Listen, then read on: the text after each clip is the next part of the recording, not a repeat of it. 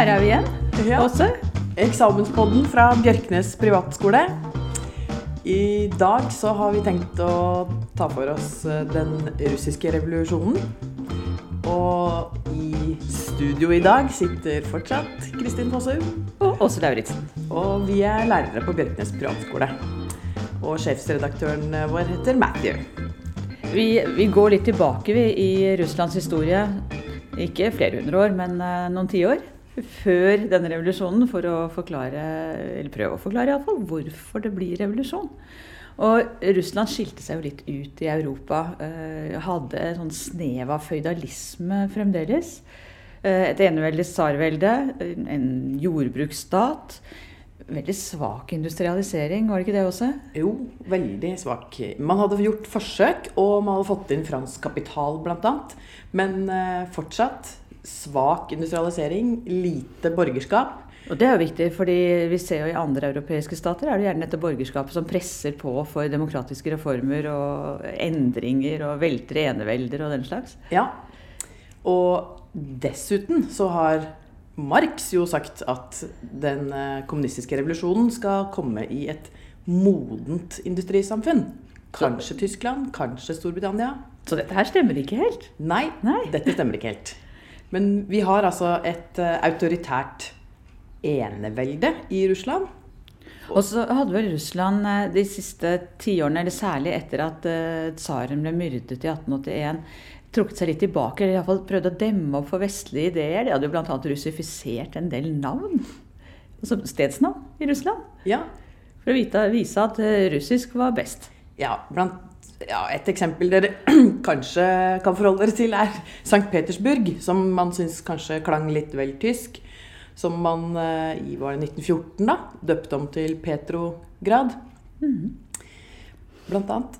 Men det, det var jo eh, noen eh, Ikke bare noen, det var jo noe protester mot eh, dette tsar-eneveldet. Annet så vokste det jo fram en eh, arbeiderbevegelse. Riktignok så holdt vel lederne til eh, i utlandet, de levde jo i eksil, for dette her var jo en eh, en sånn undergrunnsbevegelse, nærmest. Og dette er jo også et slags parti, kan vi si det, med sterk marxistisk eh, grunnlag. Ja, og som, veldig mange an, som i veldig mange andre europeiske arbeiderbevegelser eller sosialistiske bevegelser i, på denne tida, så får vi splittelser og ganske markante ja, Litt sånn brutale konflikter da, mellom marxister, eller kommunister, på den ene sida, og revisjonister, eller det dere sikkert forbinder med sosialdemokrater, på den andre sida. Så vi må nok ta en liten runde med litt ideologi. Vi gjør det. Vi gjør Ja. det. Altså, ellers så skjønner vi jo ikke noe av dette her. Jeg tror det er helt nødvendig, det. altså. Ja, og det blir, Da må jeg bare advare alle som er eksperter på marxisme og revisjonisme. Dette blir, dette blir radbrekking, men eh, dette må framstilles litt enkelt. Så hvis vi tar eh, Marx først, da. Det kommunistiske manifestet kom i 1848. eh, Og da sitt- satt han og skrev i Storbritannia, som var eh, den staten som hadde kommet lengst i industrialisering. Industrialiseringen kom jo til England først. Så eh, han sitter og analyserer det industrikapitalistiske samfunnet. Og hvis vi tar utgangspunkt ett sted Marxismen er jo en voldsom eh, ideologi. Med, hvis vi tar utgangspunkt da, i at Marx mener at godene er urettferdig fordelt i dette industrikapitalistiske samfunnet. Eh, og at dette må gjøres noe med. Bare aller først, Hva mener Marx med at godene er urettferdig fordelt? Jo, han mener at kapitalistene, overklassen, sitter på all makt fordi de kontrollerer produksjonsmidlene. Altså De eier alt, De eier. Ja. Eiendomsretten gir kapitalistene Bedriftseierne, ville vi kalt dem i dag, da. Eh, Styringsrett over fabrikkene, bankene, eh, bygårder. eh, Vi kan ta med jord. Bønder blir jo, i hvert fall i Russland, sett på som kapitalister. De sitter på all eh, makt gjennom at de eier. Det gir dem ikke bare makt i den økonomiske sfæren, men også i den politiske. F.eks. så er stemmerett knytta direkte til eiendom. Det var jo veldig vanlig. Eh, Veldig sånn var det jo i Norge òg. Ja. Så de som eide noe, de skulle få være med på å bestemme. De som ikke eide noe, de uh, trengte ikke å bestemme noe særlig. Nei. Nei. uh, un, uh, som en da underklasse vi, Marx mener at middelklassen kommer til å ja, smuldre bort, og at, alle kommer, at kapitalistene kommer til å utkonkurrere hverandre. Og eh, de fleste vil falle ned i arbeiderklassen, eller proletariatet, da. Ja, så nederst i en sånn todeling av samfunnet har vi de eiendomsløse, eller proletariatet. På 1800-tallet så kaller vi dem for arbeidere. Og de er avmektige. De er utbyttet, er begrepet Marx bruker, av kapitalistene. Det er arbeiderne som skaper verdiene i dette systemet, mener Marx. Og kapitalistene stjeler overskuddet av det arbeiderne produserer. Da. Altså, hvis vi tar vekk eh, selvkosten, er det ikke det dette er, Kristin? Lønn og Nå beveger du deg inn på felt som det er lenge siden jeg har vært borti, gitt. ja. Ja. Så eh, ta vekk alle utgiftene ved å produsere varen, da. Så er det Så sitter du igjen med en merverdi, og den merverdien mener Marx arbeiderne har skapt. Og kapitalisten stjålet. Eh, For å knytte dette til eh, Russland igjen. Eh, Den, det du nå beskrev, skriver, det var jo da eh, grunnlaget, det teoretiske grunnlaget for den mest eh, radikale delen av denne arbeiderbevegelsen. Ja. De som mente at her måtte det kraftige virkemidler til for å endre systemet, altså de revolusjonære.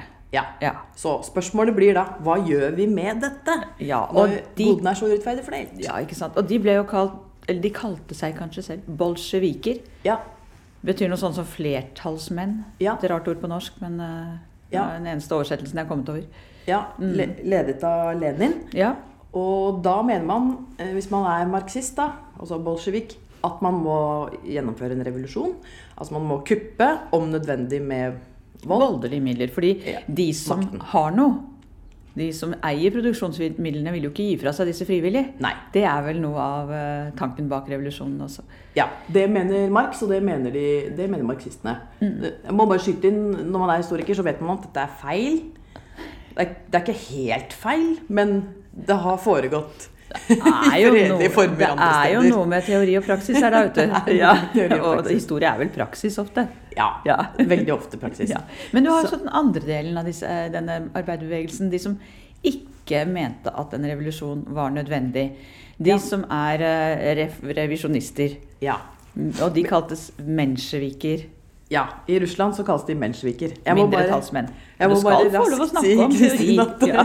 det, er, det er en slags tretrinnsrakett i å komme fram til målet for Marx og for Lenin. At vi må gjennomføre et kupp, altså en revolusjon, om nødvendig med vold. Og så må man innføre et diktatur. Proletariatets diktatur, altså arbeidernes diktatur. Hvor vi skal eh, overføre eh, eiendom fra privat til stat. Og da vil du til slutt få det klasseløse samfunnet uten klasser, uten eiendomsrett. Staten eier alt og styrer alt, da. Ja, dream on. Ja. ja. Og, det er, og så får vi da en motreaksjon mot dette. F.eks. i Edvard Bernstein, som er ideologen i det store, mektige tyske sosialdemokratiske partiet. Eh, og denne retningen av sosialisme kalles ofte revisjonisme, fordi de reviderer Marx. Altså de omskriver Marx litt. De er enig i noe. Bernstein for eksempel, er enig med Marx i analysen av det industrikapitalistiske samfunnet. Han mener også at godene er urettferdig fordelt på kapitalister og proletarer. Men han har en annen plan for hvordan man skal gå fram for å endre samfunnet. Og han har et annet mål. Målet hans er det sosialistiske samfunnet, som er et samfunn både med hvor borgerskapet får lov til å overleve, folkens. De blir ikke skutt i huet, hjernevaska eller landsforvist. Eh, og vi har privat eiendomsrett, men staten skal styre en del av.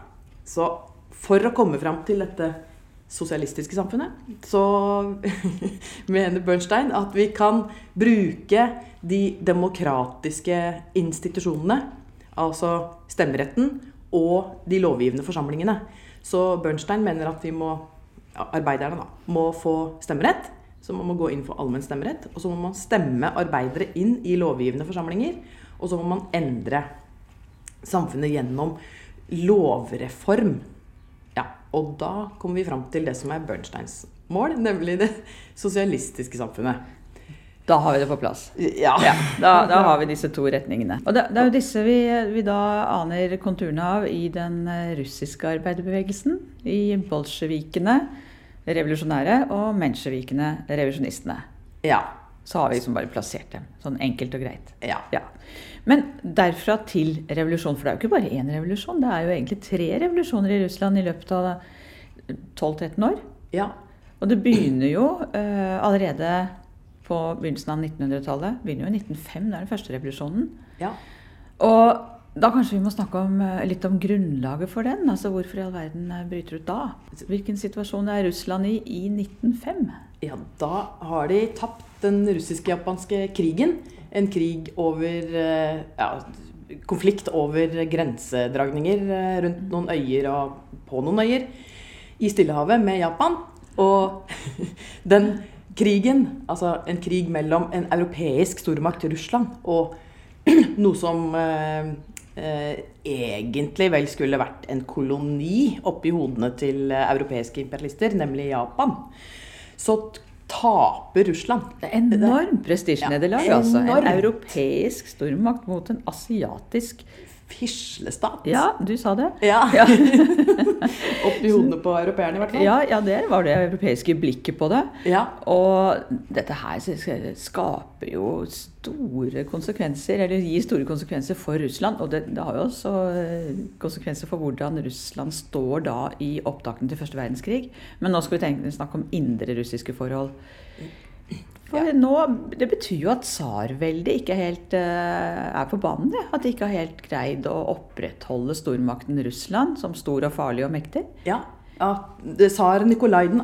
Da, eh, viser for eh, mange mennesker sin udugelighet. Og det skal han gjøre senere også, i denne krigen mot Japan. Russland sliter med logistikk, pleier jeg å si. Altså, I krigføring så er det enorme avstander å frakte folk, varer, utstyr over. Dette ofte på en eh, dårlig infrastruktur, da. Dette går ofte dårlig. Og det gjør det også i den russisk-japanske krigen. Vi får eh, matmangel i byene. Jeg tar det litt kjapt, jeg, Kristin. Men det tror jeg vi skal gjøre. Ja, Så, så får opprør, så får vi opprør eh, annet i eh, St. Petersburg, eh, hvor folk eh, eh, altså, streiker, demonstrerer, fordi de ikke har mat. Det, dette opprøret, og et av dem er jo veldig kjent foran Vinterpalasset, blir slått brutalt ned Du tenker på den blodige søndagen? hæren. Ja. Ja. Yes. Det er jo også et trekk ved dette her, at eh, hæren skyter på folket. De som kommer fredelig og skal spørre lille far om ikke han kan ordne noe brød. Ja. Ja. Så væpnede soldater skal beskytte tsaren, skyter på de fredelige demonstrantene. Ja. Dette skaper jo reaksjoner. ja. Dette utvikler seg utover eh, da våren, sommeren 1905. eh, Med streiker, med opptøyer, og tsarveldet begynner å vakle. Eh, vi får som en følge av den blodige søndagen eh, Oktobermanifestet. Ja. Eh, noe som eh, jeg pleier å sammenligne, det er litt sånn grov sammenligning, da, men med en, den liberale opprøret i Norge i 1814. Altså vi får i hvert fall noe som ligner på et konstitusjonelt monarki ut av opprøret i 1905. Og da får vi opprettet en, Eller tsaren går med på å opprette en duma, altså en eh, nasjonal, folkevalgt nasjonalforsamling. Lovgivende. Ergo er eneveldet avviklet. Ja. Da sa Nikolai han må gi opp sin eneveldige makt. Til fordel da for å dele en duma, eller dele den med en duma. Men denne dumaen, eh, demokrati og demokrati Jeg har nå lest at eh, i dumaen så sitter jo stort sett bare representanter for det øverste sjiktet i den russiske befolkningen. Millioner på millioner av bønder har verken eiendom, de har, de kan bare se langt etter stemmerett, de kan ikke lese og skrive. De aner ikke hva som foregår heller i St. Petersburg, for den saks skyld. Nei. Sånn at dette er fremdeles enormt topptungt. Ja, det er det. Og veldig mange er misfornøyde med denne ja, revolusjonen, da. Det er jo nettopp store det. deler av befolkningen er i utgangspunktet misfornøyde med oktobermanifestet. Og i og med at det nå har kommet i gang en slags industrialisering av Russland, så vil det jo si at det også er en, et voksende borgerskap. Og de krever jo litt igjen for å jobbe fram industri, og ja, krever rett igjen for at de eier og driver. Og hvis ikke de får tilfredsstilt alle sine krav, så er det jo ikke så Da, da blir de ikke så blide. Nei, Nei. det gjør det ikke. Så, så denne misnøyen, den bare baller på seg utover, altså. Ja, det gjør den. Men så skjer det noe som eh, utløser eh, de to revolusjonene som kommer i 1917. Altså På toppen av all denne misnøyen, det er, når man skal forklare revolusjonen, folkens, så er det om å gjøre å etablere misnøye. Og så kommer det gjerne noen utløsende hendelser som gjør at eh, opprøret starter, da. Begeret renner over. Altså, nå er det nok. Begeret Ja. renner over. Og det renner over i en ny krig. Første verdenskrig, som Russland dras inn i da de er på ententemaktenes side. Eh, og på eh, østfronten er det ja, kaos. Russland har jo også egen interesse. De vil jo støtte Serbia, de vil ha kontroll på Balkan. Ja. Så dette er jo Ja, viktig for dem, altså. Ja. ja det er, her kunne vi snakka mye om årsakene og sånn, men jeg er helt enig, Kristin. Vi drar inn Ja, altså dette her er jo interesser. både de indre forholdene i Russland, og det er ytre faktorer som spiller inn eh, når det gjelder å få i gang denne revolusjonen i 1917. Ja. Eh, ja, uansett. Eh, Russland dras inn i første verdenskrig, og det er, eh, de holder, holder østfronten så vidt. Eh, etter hvert så opplever vi eh, noe av det samme som eh, vi opplevde i den russiske-japanske krigen. Og noe av det som vel kanskje gjør at det blir ekstra ille under første, ille under første verdenskrig, er at det russiske jordbruket er veldig tilbakeliggende. Det krever mange hender å få produsert maten og høste den inn osv. Nå er alle hendene, altså unge menn, ved fronten. Dermed går matproduksjonen Ja. ned. Ja, Og hvem skal fø da både soldater og bybefolkning? Ja. I tillegg, som du sier, når infrastrukturen er dårlig. eh, Ja. Det bryter jo helt sammen. altså Forsyningslinjene til fronten bryter sammen. Samhandling by-land bryter sammen. Ja. Med andre ord hungersnød, heavy forsyningskrise. Ja. Og jeg har hørt at liksom, jernbanevogner fulle av korn står altså, ett sted, og folk sulter et annet sted. Det er fullt kaos. Så eh, eh, nå skjer det at eh, russiske unge menn begynner å desertere Ja. eh, fra fronten, og den begynner å, det begynner å vakle skikkelig på fronten, samtidig som det er Igjen hungersnød. Dette er det ikke lenge siden russerne har opplevd. ikke sant? I den russisk-japanske? Mm. krigen. Så det husker de. Eh, og da begynner opprørene å komme utover våren 1917. Så tre år med eh, kaos i første verdenskrig, da er det nok. Da er det nok. Så derfor nye opprør. Og nye demonstrasjoner i St. Petersburg. Ja. Eller nå Petrograd, da kanskje. Ja. Ja. Eh, I mars I mars, ja. 1917. ja. Hvis du blir forvirra at det er ulike måneder her, så er det fordi vi har to ulike kalendere. Men eh, vi opererer med vår kalender, Kristin, gjør vi ikke det? Så vi For egentlig det- i Russland var det da februar, men i Vest-Europa var det mars. Ja. Det er sånn det er, ja. Det er Eller sånn var. det var. Så da bruker vi marsrevolusjonen om den sosialdemokratiske Men- revolusjonen. Kravene til eh, demonstrantene i eh, St. Petersburg i mars Hva var det de krevde? Brød.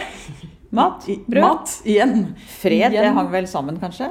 Det hang også sammen. Og så kommer denne misnøyen fra revolusjonen i 1905. Altså det de ikke hadde fått da, mer demokrati. Eller kanskje vi skal si demokrati, for det var ikke mye å skryte av det demokratiet de hadde oppnådd i 1905. Nei, Nei. det var det ikke. Dumaen fikk veldig lite makt, Ja. så ja.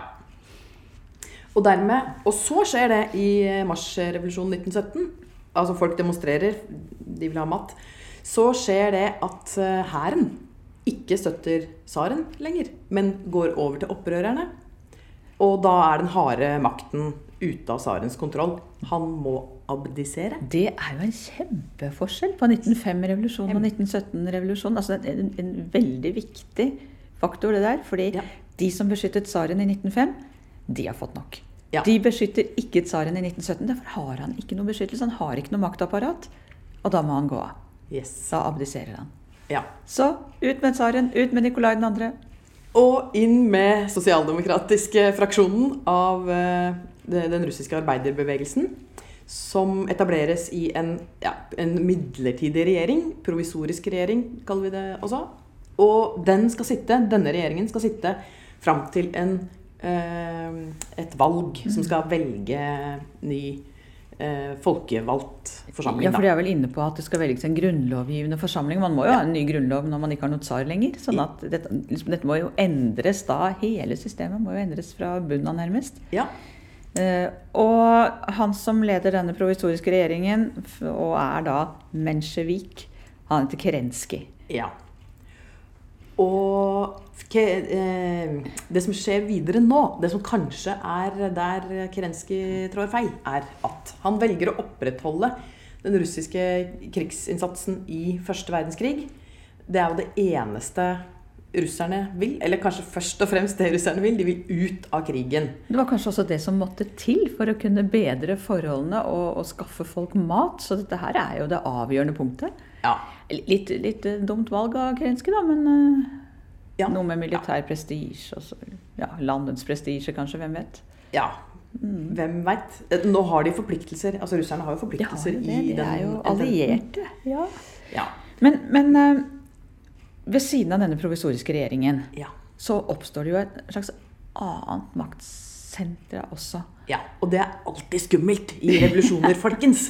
At det vil ofte oppstå litt sånn kaos Det er flere, det er flere som vil ha makt. Flere vil ha Ja, makt. ja. Mange grupper har mange meninger om Ja. hva som skal skje videre. Så det oppstår lokale maktsentra i såkalte sovjetter, arbeiderråd eller soldatråd. Dere kan tenke at det er et Skal vi kalle det kommunestyrer, Kristin? En slags, ja. For Ja, det er- så- litt vanskelig å skjønne hva en sovjet er, men, Ja, men en slags sånn lokal revolusjonær eh, gruppe som sier at ok, nå er det vi som peker ut veien her. Ja. Det, det er noe av det samme hvis dere har studert den franske revolusjonen, dere, som skjer i Paris under den franske revolusjonen. Da oppretter de et sånt revolusjonært bystyre i Paris. Det gjør de. Ja. Så kan, jeg har aldri egentlig fått med meg om det er etter inspirasjon fra den franske revolusjonen. Det, vet jeg ikke. jeg. Men ja. Eh, I hvert fall det, det, Og dette er jo skummelt under revolusjoner, ikke sant? At de som har tatt makten, ofte ikke eh, sitter trygt, da. Så det opp, man får sånne sovjetter rundt omkring i hele Russland.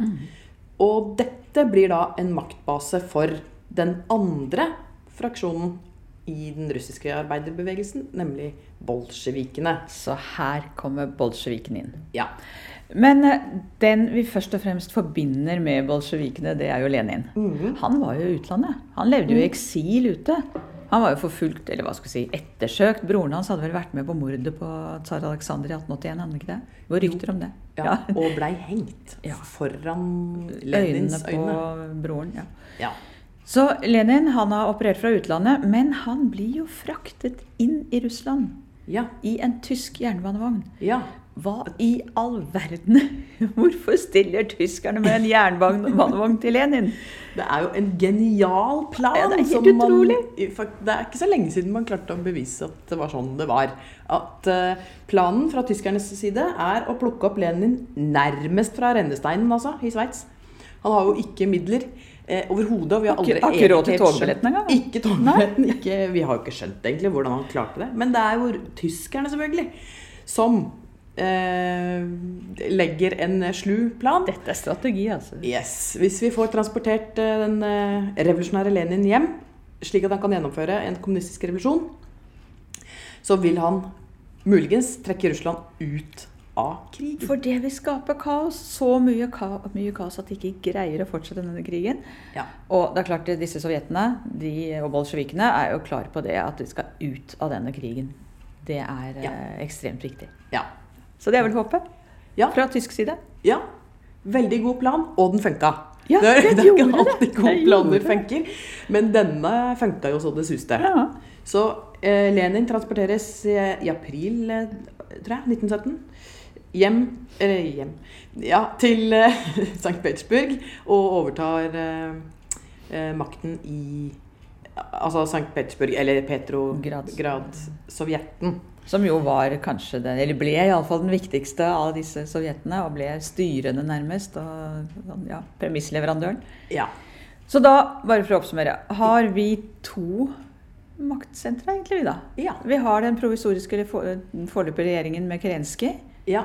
Mensjeviken. Ja. Og så har vi sovjetene og den dominerende Sankt eh, Petrograd-sovjeten med bolsjeviken Lenin Ja. i spissen. Og Lenin går inn for han har, eh, det det er valgkamp, på en måte, folkens. eh, Å trekke Russland ut av krigen. Og å omfordele jord. Dette er de to tingene folk flest i Russland vil ha. Og så kommer i eh, Når vi da kommer til november, i parentes oktober, så gjør I Russland oktober, i Ja. Øst-Europa november. ja. Ja, så gjør bolsjevikene kupp. Eh, og det er ikke så voldelig som bolsjevikene i ettertid har framstilt det som. De har framstilt det som en veldig sånn heroisk eh, overtakelse av vinterpalasset eh, i St. Petersburg. Da. Men, for det har jeg sett for meg. Men, kommer de løpende opp med høygafler og Ja, bevæpnet og stikker ned. Ja, av maktens korridorer og sånn. Eh, det kan man se på malerier, blant annet. Nettopp. Men eh, ifølge Leo Trotskij, da, ideologen hos bolsjevikene, så eh, Han har sagt at makten lå i gata, det var bare å plukke den opp. Altså Sånn er det under revolusjoner. At plutselig oppstår det sånne maktvakuum, og den som benytter sjansen og griper makta, den Og det Kan gjorde, ganske lett gjøre det det. gjorde bolsjevikene disse novemberdagene. Ja. Og de fikk jo ganske raskt eh, kontroll over kommunikasjonsknutepunkter og det som er viktig for å få gjennomført noe. Ja. Og så, etter dette, eh, vil jo eh, Lenin trekke Russland ut av første verdenskrig. Ikke alle russere er enig i det, men eh, det som nå skjer Vi må gå litt raskt fram. De har kuppet makten i deler av Russland, bolsjevikene. Lenin går inn for å trekke eh, Russland ut av krigen. Han må inngå en fredsavtale hvor han må gi fra seg ganske mye. Den fredsavtalen våren 1918 med tyskerne på østfronten kalles Brest-Litovsk-avtalen. Og da må Russland gi fra seg en god del av de vest, det vestlige territoriet sitt. Finland, Baltikum, Polen særlig. Store deler av Ukraina. Ja. Og dette er interessant, fordi der produseres veldig mye av matkornet Mm. som russerne trenger. Og Lenin bare sier 'vær så god, vi, bare, vi, altså, vi har fred, ta det dere vil'. Ja, Det var ikke så enkelt, da, men ok. ikke sant? Ta Ja. det dere vil, vi vil ha fred med en gang. Ja. Og, russerne, nei, og tyskerne klapper i hendene, så hurra. ja. Fred og store landområder. Og bare én front, nesten. Ja. Ja, nå kan vi overføre alle, alt, eh, alle ressurser fra østfronten til vestfronten. Og tyskerne tror nå at de har vunnet krigen. Og det er jo forståelig. Men Lenin var jo rimelig god på propaganda, da. For noe av det første han gjør eh, etter dette kuppet i november, er jo å komme med to opprop eller dekreter. Dekret om freden og dekret om jorden. Altså at Russland trekker seg umiddelbart ut av første verdenskrig. Og dekret om jorden. All jord inndras til fordel for staten. Mhm. Altså den private eiendomsretten oppheves. Og det er jo helt i tråd med hans ideologiske grunnlag. Ja.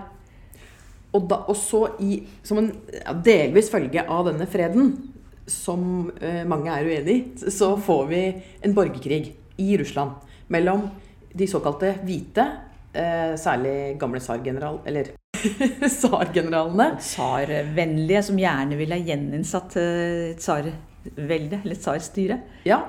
Og utenlandske tropper fra ententemaktene. Ja. Og det er f.eks. franskmenn som er redd for at uh, all kapitalen de har investert i Russland, skal gå tapt. Det gjør den jo.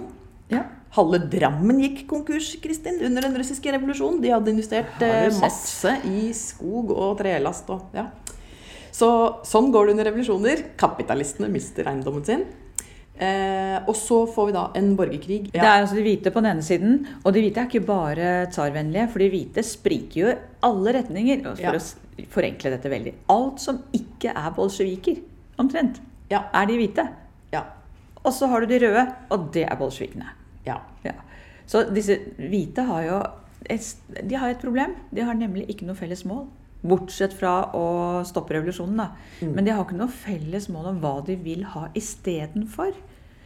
Denne eh, revolusjonære proletariatets diktatur, som vi nå sånn teoretisk har kommet til da, i bolsjevikenes øyne. Så, og så I tillegg til at uh, de hvite spriker i alle retninger, og de utenlandske troppene er jo ikke spesielt uh, engasjerte i denne krigen. De, flere av dem kommer jo fra skyttergravene og har på en måte ikke ikke noe ja.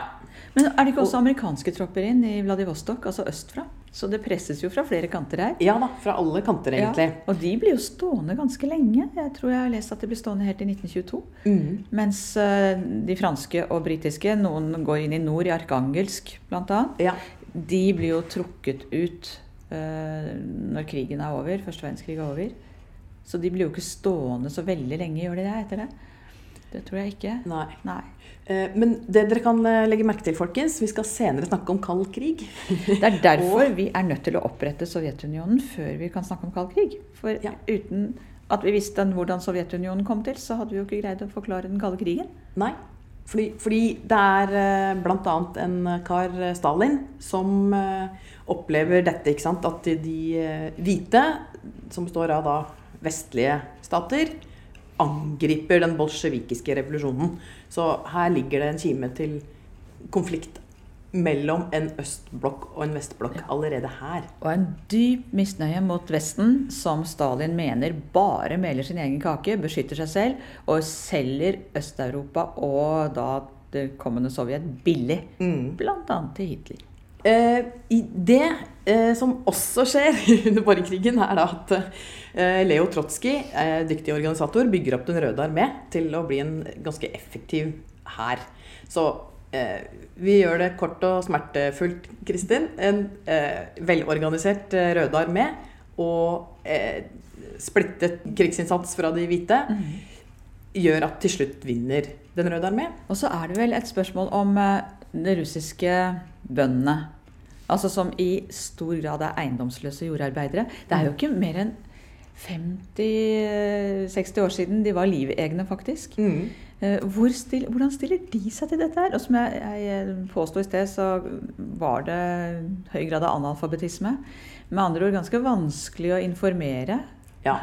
Så hva hadde de valg mellom? Jo, de hadde valget mellom et tsarstyre, som de kjente fra før, og det ukjente, ja. altså bolsjevismen eller kommunistisk styre. Og de visste jo hva de hadde hatt, Ja. men de visste ikke hva de kom til å få. Nei. Så de havnet vel mer eller mindre som støttespillere da for Den røde armé. Ja. ja. Folk flest slutter opp om eh, Ja. Den røde armé. Ja. Altså det var valget mellom pest og kolera, Ja. nærmest. Det var mine ord, da. Ut, ja. Og, det, og, og de vet at de hadde pest, på en måte. Så kanskje Koleraen kunne overleves. Ja. Da hadde vi tenkt å rett og slett bare slutta her. Nå, når Den røde armé eh, vinner eh, borgerkrigen, så opprettes Sovjetunionen. Sovjetunionen blir et totalitært kommunistisk diktatur under Stalin fordi Lenin dør. Ja. Og så kommer det en maktkamp, og den putter Stalin ved makta.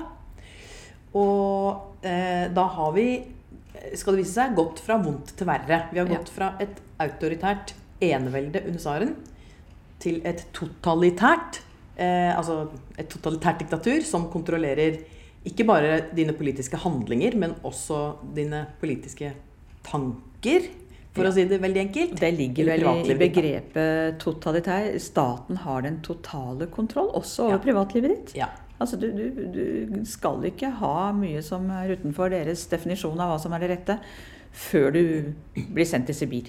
Eller Ja. eh, på 30-tallet så får du et eh, nakkeskudd under Moskva-prosessene. Hvis du Stalins muligens mm. Under Stalins utrenskninger, ja. Hvis du muligens er imot Stalin, da. Ja, så her ligger det veldig mye grums, altså. Eller Ja, hva skulle si? det. Men vi lar Stalin-tiden ligge, og Ja. så avslutter vi eh, når revolusjonen er fullført. Og Ja. Sovjetunionen da er eh, blitt eh, en realitet. Ja. Og Russland er nedlagt.